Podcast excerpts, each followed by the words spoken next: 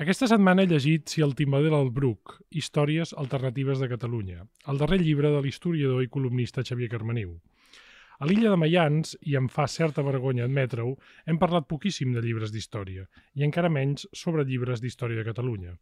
Per això avui em fa especial il·lusió xerrar amb el meu estimat Carmeniu d'un llibre que, de fet, és més aviat d'història-ficció, perquè si el timbaler del Bruc no només explora 20 episodis del nostre passat, sinó que trafica amb hipòtesis d'un final alternatiu a alguns dels instants claus de la catalana història. Aquest, per tant, és un text magnífic per aprendre, però sobretot per imaginar, i també per comprovar com el nostre país, per aquelles coses de la vida, s'ha vist sovint immers en la majoria de vodevils de la geopolítica mundial. Qui conegui el treball d'en Xavier, i jo he compartit moltes hores de micròfon amb ell, sabrà que barreja el rigor i l'alegria com un autèntic mag. Llegiu-lo perquè així aconseguirem que pugui continuar escrivint. Aquesta setmana he llegit Si el timbaler del Bruc i ara en parlaré amb el seu autor. This is my island in the sun Where my people have toiled since time begun I may sail on many a sea, her shores will always be home to me.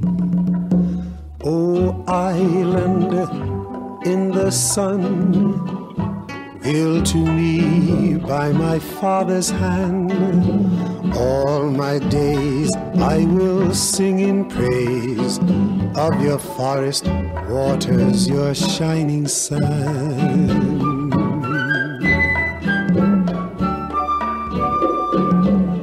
Doctor Carmeniu, benvingut. Anem. Estimat Bernat, moltes gràcies. Ja podríem acabar aquí. Jo ja estaria, sí, sí. Ara deia la introducció que amb, que amb en Xavier hem compartit, vaja, molts anys, moltes hores de micròfon, Moltes. i tu i jo ens vam ajuntar gràcies a la Rosa Badia. I tant. Uh, sí, vam sí. fer molts anys de ràdio al, al Tot és Comèdia, de, la, de Ràdio Barcelona. Amb una secció fantàstica, Sí. que jo és de les coses que enyoro més al món, perquè, bé, la gent que et segueix ho sap perfectament, jo, jo m'asseia allà i escoltava, i de tant en tant deia alguna cosa, i sempre No, aprenia més més, del que que, això, més que més del que explicava, i era, i era un goig. Jo sí que celebro avui tornar-nos a trobar Sí, sí, vam, aquí. vam parlar d'història i de música molts anys, de com la música feia història, de com la història també era sonora, I tant. i, i m'ha fet gràcia recordar la Rosa perquè, si no recordo malament, l'any passat es va jubilar, tot i que encara fa Sí. col·laboracions a Ràdio Barcelona, perquè la Rosa, si no té un micro Mira. a la boca, Clar, eh, mor, és, diguéssim. és que bueno, se'ns ha fet podcaster, diguéssim, no? Perquè ara fa un podcast de, de Per qui no té teatre. podcast és perquè no vol, eh? també t'ho haig de I, dir. i, però és que, ostres, um, de- és d'aquelles qüestions de que perquè una persona tingui una determinada edat haver de plegar de treballar si ella no vol i manté les capacitats i el talent em sembla absurd. I en el seu cas és una pèrdua de, de talent per l'antena i jo crec que hàbilment ho han aconseguit reconduir així i la prova és que el, li funciona molt bé i la gent la- l'adora com, vaja, com és normal Sí, sí. perquè és, és una persona... Vaja, jo me l'aprecio moltíssim. La, la volem recordar perquè és la nostra padrina de noces. Oh, i tant, exacte, sí, sí. és la nostra És. Rosa, Rosa, contigo sí. empezó todo. I a més a més és, és vaja, una lluitadora perquè les, les ràdios generalistes tinguin continguts culturals que els enyorem moltíssim. I de qualitat, perquè una de les coses que m'ha impressionat més sempre d'ella és aquesta capacitat de treball Uh -huh. i de, malgrat tenir la reputació, el nom que té, preparar-se les entrevistes i els temes com ningú. Sí, és sí. una cosa espectacular. Sí, sí. Per tant, Rosa, si ens escoltes, eh, com de podcaster a podcasters, moltíssimes gràcies. I tant. Ara ho deia a la, a la introducció, Xavier, és de les coses que llegint el llibre m'ha sobtat més, que és que mentre el llegia pensava portem ara no sé quants programes, allò que diu el, el José María García, allò, 500 anys. Aquí no portem 500 anys a la Illa de Mayans, però ja portem més d'un centenar de programes. Eh, agraïm també la fidelitat de l'audiència i pensava, hem fet poquíssims llibres d'història. No? Bé, I, I dic, primer entono el mea culpa, perquè dius... amb això hauries de parlar amb el director del tema, eh? Ets, ets tu, sóc jo, uh, però sí que és cert que, que ara ho deia, no? I, i abans de parlar del llibre volia parlar una mica de què ens passa, no? Perquè uh, jo, per exemple, quan vivia als Estats Units, tu saps que un, molts anys vaig estar allà, jo llegia molts llibres d'història, eh? perquè els americans, evidentment, no ens hi podem comparar, fan, fan, fan molta cosa, tenen uns arxius que són demencials, però sí que és cert que fan un tipus d'història, i això entronca amb el teu llibre, que és molt literària. Ah, no? És que... I, i jo, jo pensava, aquí tinc la impressió, i corregeix-me si m'equivoco, ara entono el mea culpa meu, però també potser és culpa dels historiadors o dels lectors, que tinc la impressió que amb la història o hi han treballs acadèmics, que són per l'acadèmia i han d'existir, com els de filosofia, que és allò eh, treballs d'història per a historiadors i fets per historiadors, que és normal que no tinguin molts lectors, o a vegades quan hi ha llibres d'història són totxos d'aquells tan bèsties que la gent diu no, no sé per on començar. O sigui, aquest, aquest any Mm. s'han fet excel·lents llibres d'història. O sigui, el llibre d'Enrique del, sobre el Cambó. Sí, sí, clar, és, és un monument. Cada any tenim 10 o 20 llibres d'història. Però potser per això ens, ens costa una mica. Som, som pocs, almenys... No? A veure, aquí hi ha diverses coses. Hi ha una qüestió de volum de mercat, són molt poquets, Sí. Per tant, això... això I clar, malavinguts. malavinguts, evidentment, uh, perquè som catalans, ja vam amb la nostra manera de ser, um, i per tant vol dir que hi ha poc mercat per segons quines aventures editorials. Després també hi ha una altra cosa, que és que l'acadèmia, fins no fa massa anys, eh, la qüestió de la divulgació la veia com una cosa aliena a ella i que no, Sí. no, no era una qüestió que fos un deure. Per mi, fer divulgació Sí, és un, deure. I amb això, a més a més, s'hi ha sumat... de fet, no només no era un deure, sinó que era mal vista. Està mal vist. És més, eh, jo havia tingut professors d'història i eh, convidar gent a entrevistes per temes de ràdio i altres coses que havia fet dient això en dues pàgines jo no em puc explicar, necessito tot un llibre. Doncs miri, el problema el té vostè, no, no el tenim nosaltres. Vull dir, és, és important és saber-se explicar i voler-se explicar. I després ara també hi ha tota la perversió del sistema universitari, que si tu et Mhm. dediques a la carrera acadèmica amb uns sous ridículs, miserables, insultants i esclavistes, que és, és una vergonya, a sobre has de fer carrera acadèmica amb articles que no es llegeix ningú participant en congressos que no interessen a ningú més que Sí, l'acadèmia i és aquesta cosa endogàmica Sí, sí. i mentrestant la gent va fent Que són compte. textos extraordinaris perquè són textos perquè no siguin llegits. I que És a dir, fer un i que text es- perquè no el llegeixi ni Déu I- és, és un bueno, mèrit. mira, és, i- i- és el contrari del que vol tothom. En general, Sí, clar. tu, fas I un aquí és- llibre perquè es Clar, llegeixi. I aquí és no? on apareixen els periodistes. Clar, els periodistes de cop tenen curiositat per algun tema històric, per exemple, tot el tema de les fosses comunes, qui primer, el, el, alguns dels Clar. primers que van fer van ser gent del 30 minuts, el Montserrat Mongou i companyia, Sí, que van sí. començar a estirar del fil, que a més a més tenen la capacitat narrativa que no té l'acadèmia. Que no és només que ens escriu que no el llegeixin, sinó que si escrius de manera llegidora, no et miren bé i no et respecten. Jo ho vaig ets banal. jo vaig fer Sí, sí. l'experiment quan vaig fer la meva tesi doctoral, quan havia de fer informes d'aquests per presentar tal. Un dia em vaig fer un que era una paròdia i el vaig enviar. Va ser l'única vegada que em van felicitar. I jo estava a casa partint-me de riure, però Clar. és que era la, la idea aquesta de anem a, anem a convertir el comptes de, no ho sé, per el comptes de dir societat, dir estructura social... Bé, el sector de la filosofia... Això, Sí, sí, sí, sí, és- és un defecte això- compartit. I clar, i després et, et surt algú que fa més o menys divulgació amb certa gràcia i després tothom queda enlluernat a mi el que m'agrada és pensar que es, pot, que, que es pot fer una baula entre l'acadèmia i, i la societat i, i fer divulgació. I a mi quan em diuen de què soc, de què faig història, ja començo a dir que sóc especialista en divulgació. Jo de fer recerca no en sé gaire.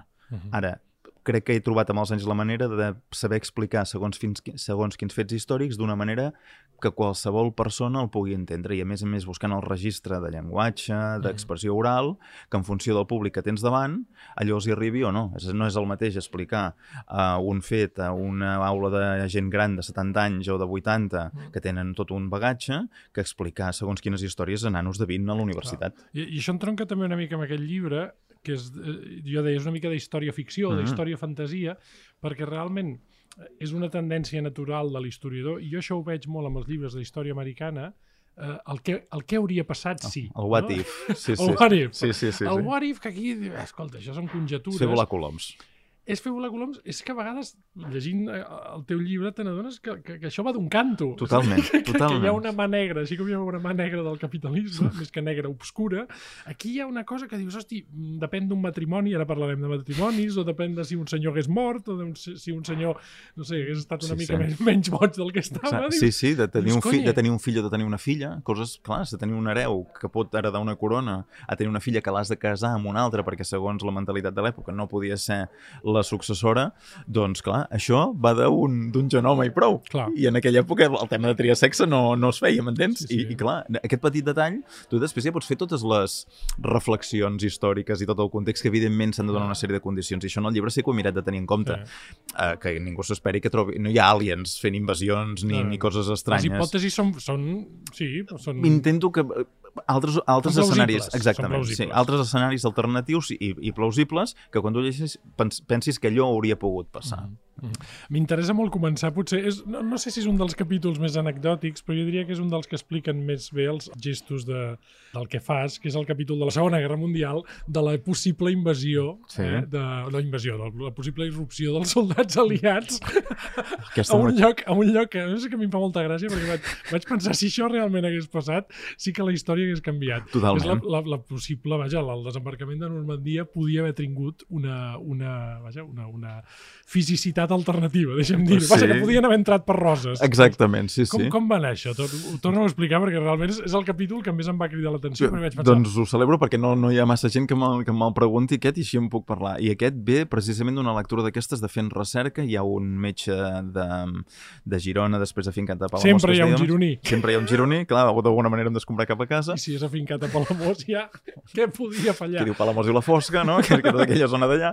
Um, aquest senyor era metge, va, ser- era, de la, era republicà i durant la segona Del. Mau, es deia, no? Sí, ser del exacte, Mau. del Mau. Um, um, durant, la segona, durant la Segona Guerra Mundial va formar part de la força de les forces de la, dels aliats Mhm. i va estar vinculat amb els, amb els anglesos. I és que els anglesos i tots els aliats, quan comencen a pensar llocs on poder desembarcar el gran contingent de tropes que al final escullen Normandia, busquen alternatives. I no hi havia Google Maps, alguna manera Sí, ho havien sí, de fer sí. i comencen a preguntar a la gent. I saben, evidentment, que hi ha la badia de Roses, que és un lloc ampli, Sí, és una de les platges perquè allà les platges són més aviat, Clar. com diuen els barcelonins, són caletes. són, Exacte, són petites. doncs en aquella part és, és gran i a més a més tenien tropes al nord d'Àfrica i, el, i, i després també ells en desplacen cap al sud d'Itàlia i per tant la idea era o plantejar-se aquell escenari. Igual que aquest n'hi va haver d'altres, no? I el, el propi del Mau, que jo és, ho cito en el, en el llibre perquè Sí, sí. penso, algú dirà que m'ho estic inventant. Aquell, no, és, senyor, que, és que sembla, sembla... aquell senyor les seves memòries explica Sí, sí. que oficials d'intel·ligència dels aliats li van preguntar sobre la badia de Roses, igual, però igual que altres llocs, doncs jo pensava, molt bé, anem- què hauria passat si realment els aliats haguessin escollit Roses? Bé, Clar. doncs uh, Mira, moltes coses. És que em fa molta gràcia perquè mira que jo sóc filoamericà, però penso, hosti, t'imagines que haguessin entrat per allà els aliats? Tindríem, tindríem ja l'Empordà el tenim prou depredat, que ara a sobre tindríem els, els Ostres. turistes de Kansas Ja, City però- però- allà tocant els collons a la platja de Castell. Totalment. Sí, Ja tenim, ja tenim ara els barcelonins, t'imagines que sobre tinguéssim els americans? si ens poséssim estupendos i ho posem així, una de les coses que no he explicat en el llibre, però que fent aquesta mm, ficció ara, és, clar, tindríem els cementiris aquells de les creus blanques, aquelles esteses de cadàvers, en allà Steven Spielberg, Salvador Soldado Ryan, l'hauria rodat en allà. Però després hi ha detalls més importants. Si tu ets els aliats i desembarques en un territori que està controlat per un aliat de, de Hitler, uh, què fas amb aquell territori? L'has d'assegurar. Fins on l'assegures? Què hauria fet el, la societat catalana? Clar. Què hauria fet Franco? No, i sobretot com hauria afectat si el- si l'influx de tropes americanes als anys 70 a la Barceloneta i al Raval ja va ser una cosa que va revolucionar la ment de la gent, perquè va veure gent que vivia diferent, tu imagina't enmig de l'Espanya franquista que de sobte Ah. una invasió de yanquis, el, el, el règim eh, hagués patit. El hagués petit, i és més, potser els, eh, els americans i els anglesos tan pràctics ells, potser haguessin decidit que Espanya podia era una cosa i Catalunya potser era una altra, i que ja els hi anava bé tenir una part de tranquil·litat per anar enfocant totes Sí, les sí, tropes una per via, creuar, una via- una via d'accés a Europa. Sí, Pirineus enllà, i que si Franco no molestava, que tampoc no, no podia molestar gaire perquè estava trinxada a Espanya i no tenia Clar. exèrcit per fer front, imagina't, a una Sí, sí, cosa així. després de, després de la guerra encara estaven Estava, tiesos. clar, clar. clar. Em, per tant, no sabem què hagués passat. Potser haguéssim sigut eh, filoamericans des dels anys 40 i no hagués estat mal vist. No ens hagués anat tan malament. I potser eh? haguéssim No estat i potser haguéssim pogut aprofitar el Pla Marshall dels anys 50 Exacte, exacte, i fer més caixa, sí, i sí. ara seríem la Suïssa del Mediterrani posats a fer. O, la, o com deien allò, la Massachusetts. Pues sí, però això la ja és- del sud d'Europa. Sí, tantes, i tantes xufles, allò. Va, va, va, sí, que, sí que hi ha massa xufles. Quin cuento!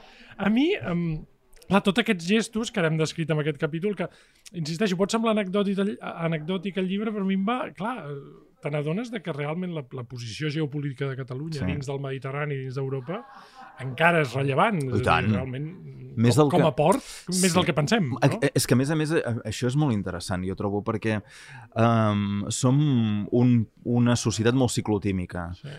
tan aviat estem a dalt com estem a baix. El 2017 ens havíem de menjar el món i un paper terra, Europa ens mira, ta, ta, ta, I ara ta, no ta, ta, ni les i ara pipes. som els més desgraciats del món i mereixem l'extinció, i etc. Escolti'm, um, no, no és veritat. Vull dir, i el, el, el, quin és el problema? Que no tenim coneixement del nostre, de la nostra història, no tenim consciència del nostre passat. S'explica perquè durant el segle XX hem tingut dues dictadures anticatalanistes furibundes, una guerra civil i una transició que s'ha dedicat a diluir tot el que significa la identitat nacional Sí, sí, catalana. però també no? per la nostra desídia. Oh, esclar, està clar. Però sempre hi ha hagut gent que ho ha intentat, però Mm. sempre al mateix temps hi ha hagut gent que, que, ho, ha, que ho, ha, ho ha frenat. I el, el que passa és que, a veure, Catalunya i molt especialment Barcelona estan situades en un punt que, coi, si Octavi August ja va veure que allà hi havia futur i estem parlant de fa I tant. 2.000 anys, i durant l'edat mitjana va ser el, el gran poder de la Mediterrània del Sud que es va expandir, això hi és. Per això els xinesos inverteixen al port de Barcelona ara Clar, clar. mateix. Clar, és que eh, és allà mateix. I per això quan es parlava de la independència la gent deia, oh, és que això serà un desastre. I la meva resposta és sempre la mateixa. Escolta, Barcelona no desapareixerà del mapa. Uh -huh. La platja, el mar, la gastronomia, tot això hi continua Sí, sí. sent. Potser al cap durant una temporada la situació serà complicada, evidentment que sí, perquè és, Mhm. una, és un canvi radical, però a la llarga, mm, si realment tens ganes de fer-ho, que aquesta després seria l'altra qüestió, um, a veure, la situació ge geopolítica um, hi continua sent i serà Sí. durant bastant de temps encara. Sí, sí. Ara parlarem dels capítols finals, que són els, segurament els més sexis per tot allò que podia haver passat. No només l'últim, eh? Mm -hmm. L'últim és el més sexy, segurament, per, per, diguéssim, per fer, per fer hipòtesis. Sí. Però a mi m'interessa molt aquest gest que deia ara de, de, de la història de la, de la Badia de Roses, perquè també comença, pels, de fet, per la primera creació d'allò que anomenem Catalunya, no? Sí. A les, les noces entre, entre contes, la, Sí. la història de Peronella i Ramon Berenguer, Sí. a mi també m'ha fascinat, perquè són també eh, el que deies, matrimonis que si no arriben a passar, o no matrimonis que si arriben a Clar. passar, eh, i que la mateixa creació de Catalunya ja, en aquest sentit, és contingent, com a, És- com a territori, És per que, dir-ho així. quan, quan estava escrivint aquest, uh, aquest uh, capítol pensava diverses coses. Una uh, és que tot plegat va anar del canto d'un duro. Uh-huh. Perquè, per començar, amb uh, Sants d'Aragó, que era monjo, es va deixar de fer de monjo durant una temporada per ser rei, el protegeix el comte de I Barcelona, tant. i li diu, jo, tu et casaràs amb, amb, amb la meva filla, um, i, i per tant, primer ha de néixer una filla, que ha de, cre... ha de, ha de néixer, si hagués sigut un noi, les coses haguessin canviat molt, Uh-huh. perquè eh, llavors eh, l'hereu hagués sigut el fill de Sants, clar. Clar. Després hi ha una altra cosa, que arribi uns, a una edat suficient aquesta criatura per poder-se casar, que a més a més I tu... per infantar, sí, sí. I que tu neixes i ja tu ja saps que t'acabaràs casant amb un senyor que té 16 o 20 anys més que tu. I es casa amb 14 anys per una ella, que això és grossíssim. Sí, sí. Personatge fascinant, eh, per cert, Sí, per sí, ella, perquè sí. realment la pobra... I És com una mica com la nostra Maria Antonieta, no? Una tia que, que, que, que, no, que li ve tot fet i la pobra... que està allà i hi ha un parell de moments que ella intenta dir, escolta, Sí. els, els reis d'Aragó són perquè jo sóc la filla del rei i això ho heu de fer passar per, per caixa i fer-ho constar en els, en els documents. Per tant, hi ha un personatge que segurament no en podem saber massa cosa perquè la documentació ha estat, uh, no, és tan no hi ha, ella no hi és tan present i a més a més queda molt per estudiar encara que no ho sembli um, abans parlaves de la documentació dels arxius Sí, sí, dels sí. americans uh, l'altre dia la, la Rosa Lluc, la professora de la Universitat Sí. de Barcelona m'explicava que juntament amb Anglaterra Catalunya és el territori del món que té més documents medievals d'enlloc Sí. El problema és que no tenim recursos per investigar ni dedicar-hi. Bé, Sí, això seria un altre, és un altre tema, no? Clar, llavors no sabem gaire què va fer aquesta senyora, però és clar, aquesta senyora va haver de sobreviure, va haver de viure, i després també el comte. Si al comte li agafen unes febres, el pica un mosquit o una cosa, o té un accident de cavall a l'hora de fer una cacera i es mor, turut, no, Clar. no, no, no hi ha res, després tot allò hauria sigut completament Clar, diferent. i no? haguéssim quedat assimilats, no? no, no. Llavors, clar, es plantegen diverses hipòtesis. Per exemple, si el comptes de ser un fill, eh, filla per un ell hagués sigut un fill, s'hauria casat potser amb el fill del comte, Exacte. a, a la filla del comte, perdó, s'haguessin enllaçat. Per tant, Catalunya hagués quedat subjugada a Aragó de manera Sí, sí. definitivament.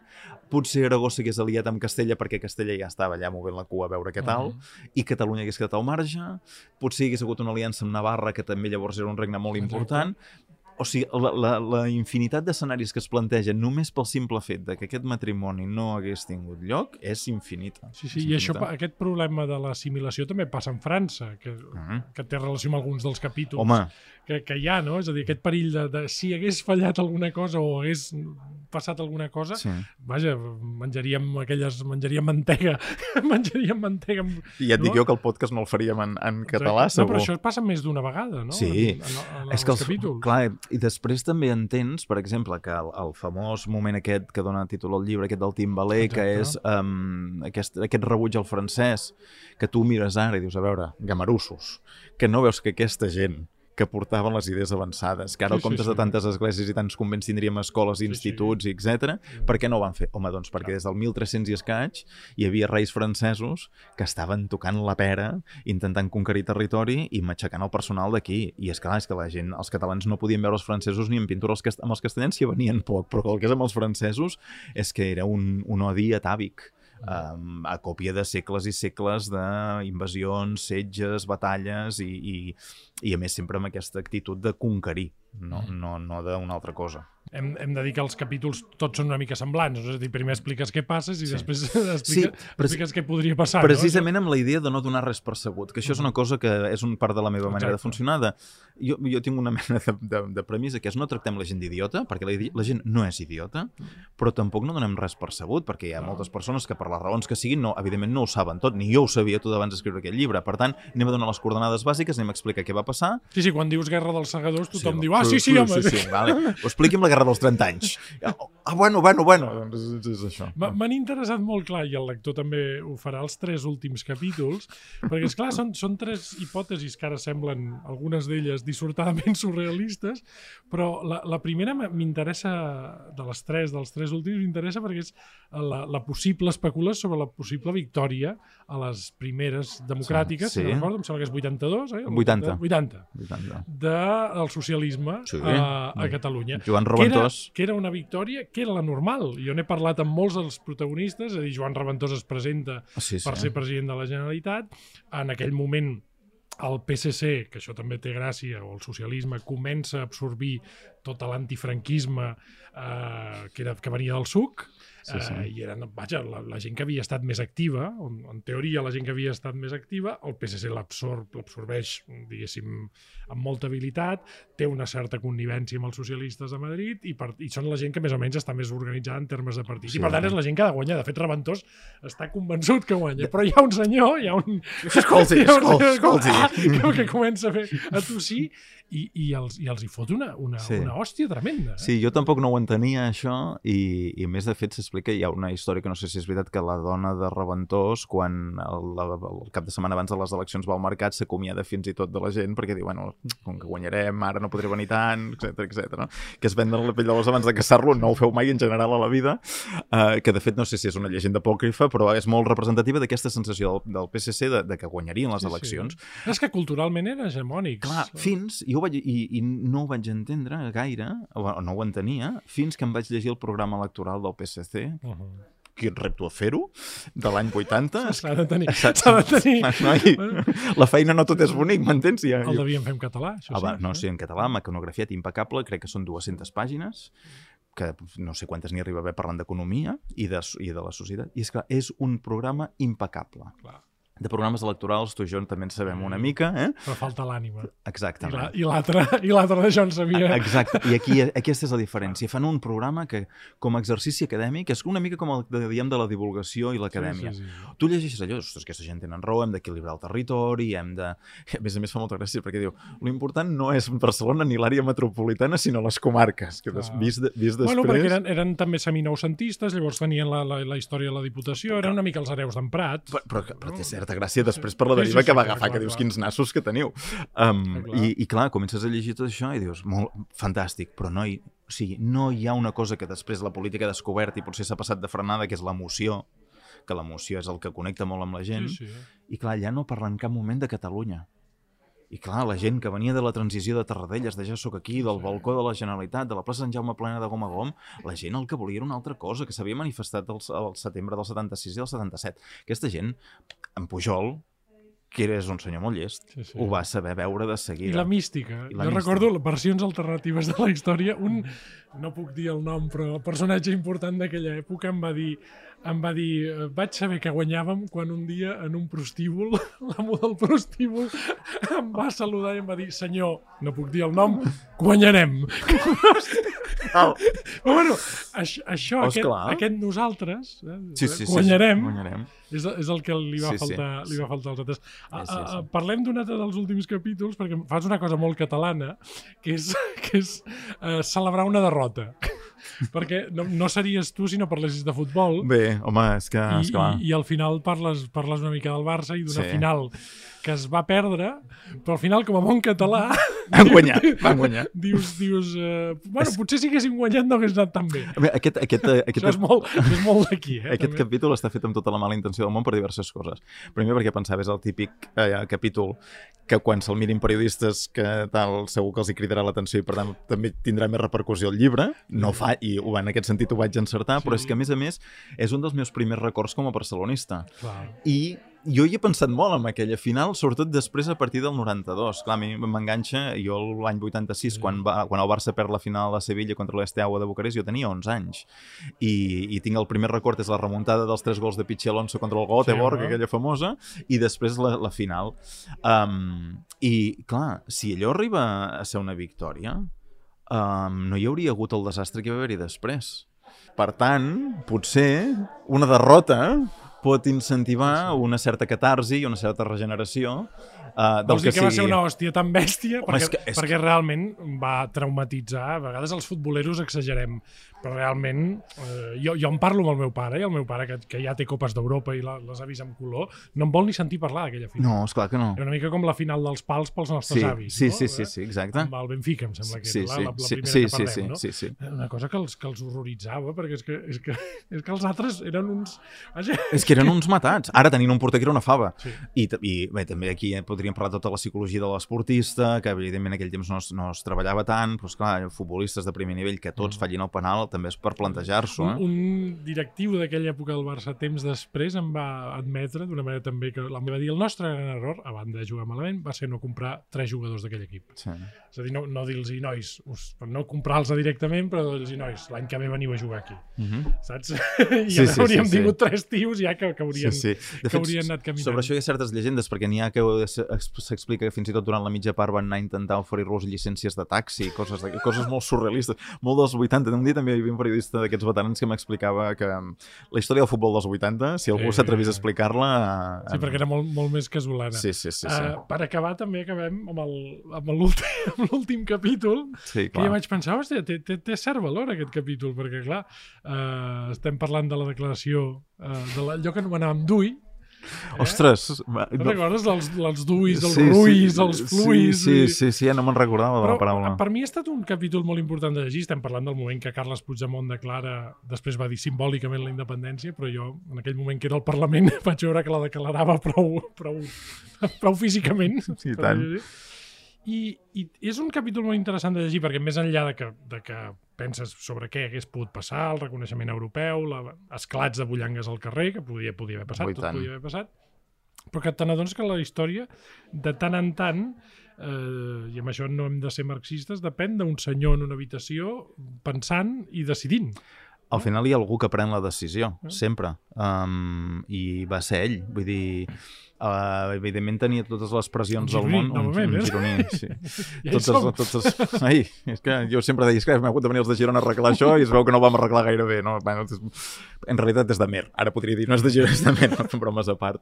No, a més a més, personalment, és una... quan jo l'he tractat, i de fet l'última vegada va ser quan, quan la- a l'exili que vaig comissariar una exposició sobre Carles Rahola, que és un personatge que a Girona hi tenim molta estima, fusellat l'any Oh, i tant. 39. Clar, parlar amb ell i així, doncs, home, és una persona que al cap i a la fi està a l'exili. Això no ho oblidem, eh? Di, que li diguin el que vulguin i, i tot plegat, però ell és, ell és fora Diguem-li lluny de casa. Diguem sí, que, a vegades i, és més, és més bèstia. N'hi ha que es poden tornar a presentar eleccions, que Mm. mm. continuen fent entrevistes i tal, ell és, ell és allà. Um, clar, uh, si ell hagués decidit fer una altra cosa, encara que tots els altres l'haguessin pressionat, um, allò ja estava endavant. Uh -huh. I al carrer hi havia prou força per defensar-ho, allò. I, i, I aquell sí que era el moment. Mm. Eh, és d'aquells, és com ara que abans parlàvem de futbol, és tenir una ocasió de gol a porta gairebé buida i, i poder fer el gol. Ara, després del gol, venia el contraatac dels altres. Sí. I, I aquí em sembla que va passar molt també perquè, evidentment, eh, si el 3 d'octubre la gent eh, s'hagués fet una crida a la resistència mm, indefinida, Mm.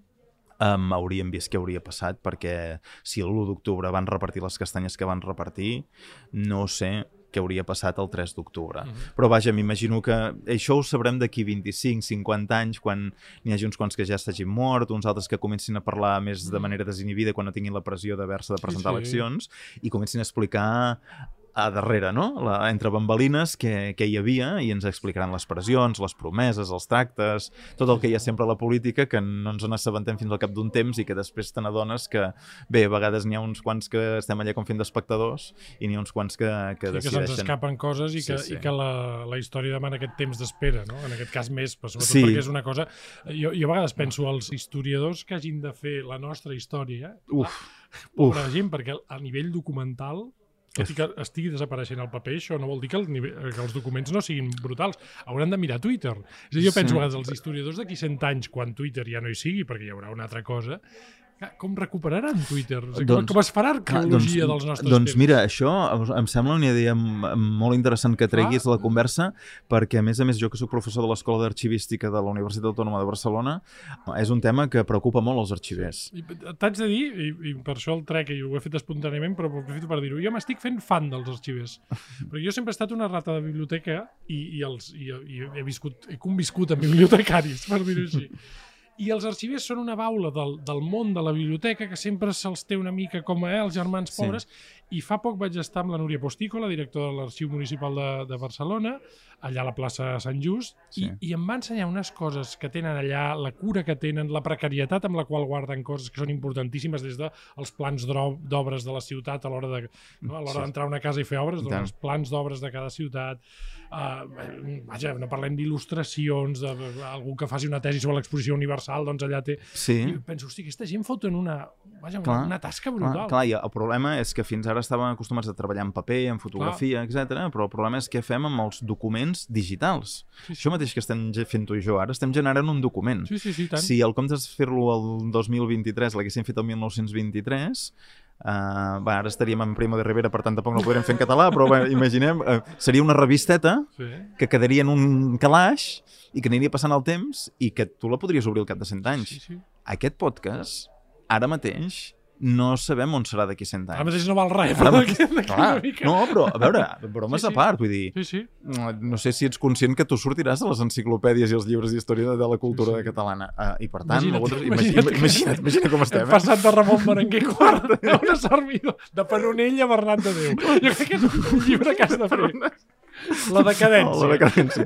bueno, però, però, Sí, sí, no, i els nostres articles sortiran i la clar, gent... però esclar, sí, sí. que tots aquests articles que, que publiquem en digitals, tot això, d'aquí a 100 anys, si hi ha algú que, que, es, que es cansa de pagar el núvol, què? Eh, Això a mi m'obsessiona. Doncs aquest és un dels grans reptes que hi ha ara mateix, perquè a més a més sense els arxius no tenim memòria, no tenim... De... És que no tenim democràcia, perquè són la garantia de transparència. Sí. Pressupostos, tràmits, eh, documents de judicials, Sí, sí. tot, tot, tot, tot aquest... Documents també. notarials... Tot això, tot això, que cada vegada anem més cap a la part digital, tot això, si no es té cura, eh, desapareix.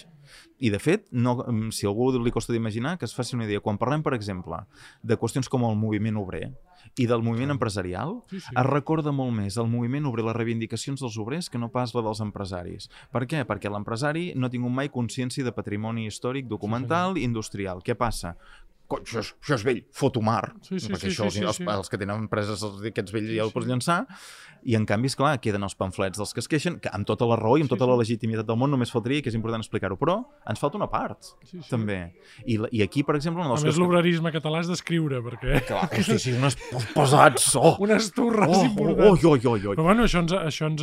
Vaja, sense això la, la gent com en termes no hagués pogut fer... No, i, i, és, fona, i és fonamental perquè, a més a més, també serveix per després argumentar aquesta idea de que se suposa suposa que el catalanisme era burgès, mentida absoluta, Sí, senyor. eh, que gràcies als documents podem demostrar que no és cert Sí, sí. que els obrers eren tan catalanistes com els burgesos. Sí, sí, sí. Uh, I um, el, el que passa és que amb tota aquesta qüestió dels, uh, dels empresaris doncs um, queda deixada de la mà de Déu. I això té repercussions fins i tot a la manera d'entendre la ciutat ara mateix. Mm. Ara tenim aquesta Barcelona xupi-guai del disseny i del turisme i dels serveis del tercer sector que s'oblida d'un passat uh, febril d'empresaris, etc. oh, que això, uh, a veure, la gent se'n va visitar el Palau Güell allà al final de la Rambla.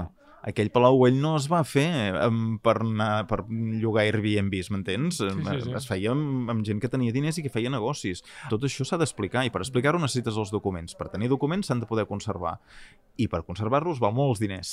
Sí, sí. I en els meus alumnes d'arxivística sempre els dic el mateix. Ara imagineu que sou l'alcalde del vostre poble i teniu tres equipaments i n'heu de tancar un perquè no us arriba el pressupost. Mhm. La biblioteca, la piscina municipal i l'arxiu. Quin tancareu? Ah, L'arxiu. L'arxiu. No per què? Perquè la gent no, no se'l fa seu, no se l'estima. Sí, sí. Això és part, un, un repte de la pròpia professió arxivística, però també nosaltres com a societat de posar en valor el que, el que tenim. Sí, sí, a vegades sentit. exigim moltíssim, eh, fins i tot els responsables públics, però ens costa fer una cosa tan, vaja, tan maca, a més a més, com agafar, sortir de casa i anar a fer un trajecte de 5 minutets i anar, per exemple, a Calardiaca o Sí, a l'Arxiu sí. Nacional, a Sant Cugat... A, a més anar a més és que, i, i de fet ara amb tot el procés de digitalització dels propis documents i es pot fer des de casa, vull dir, les webs dels arxius que tenim al nostre país eh, són una font inesgotable de- d'informació i, i que molta gent ja ho fa servir per tema de genealogia, per exemple, no? de, de començar a buscar d'allà on venen i, i de cop se n'adonen de, ostres, no sabia que teníem tants papers, o coi, clar. Realment, Sí, sí, realment, sí, sí. doncs, eh, no sé si ens escoltaran d'aquí 100 anys, espero que sí. espero no ser-hi ja, perquè això és... Això ja no, 100 en tindríem massa, ja no, massa, no tot i que cal. els metges ara ens aguanten molt, però si Tampoc algú, no cal tant. si algú ens està escoltant de, la Catalunya el 2123, mare meva, Eh? uh, i vulgui saber alguns espais, alguns aspectes del nostre passat, o vulgui afegir una mica de, de teca al, al llibre d'en Xavier, que ho faci. Fins llavors, que, Segur que hi haurà teca, eh? pels catalans del present que comprin aquest Si el timoler del Bruc, eh, editat a Pòrtic, eh, més una edició fantàstica, i vaja, és un llibre que es llegeix amb tres tardes, però que em fa pensar més de tres tardes. A, Eh? a mi, el, de fet, és el que m'agrada que, que diguis, que es llegeix bé, que per tant Sí. per mi és un gran elogi, i també que fa pensar. Jo no volia donar, ja ho has vist, que no dono mai res per segur ni per sentat, sinó, escolteu, jo plantejo això. Mhm. Si vosaltres us indigneu amb el que jo dic, fantàstic, perquè vol dir que hi esteu rumiant i que us, us remou alguna cosa. Jo ja estic content. Els fets són com són, cadascú hi ha de posar les seves, les seves hipòtesis. Exacte. Uh, aviam si el futur ens va millor que, que algunes de les coses que expliques. A veure. En qualsevol cas, moltes gràcies per venir, Xavier. Gràcies, Bernat. Sopar aquesta nit que és tan trista que em costa de dir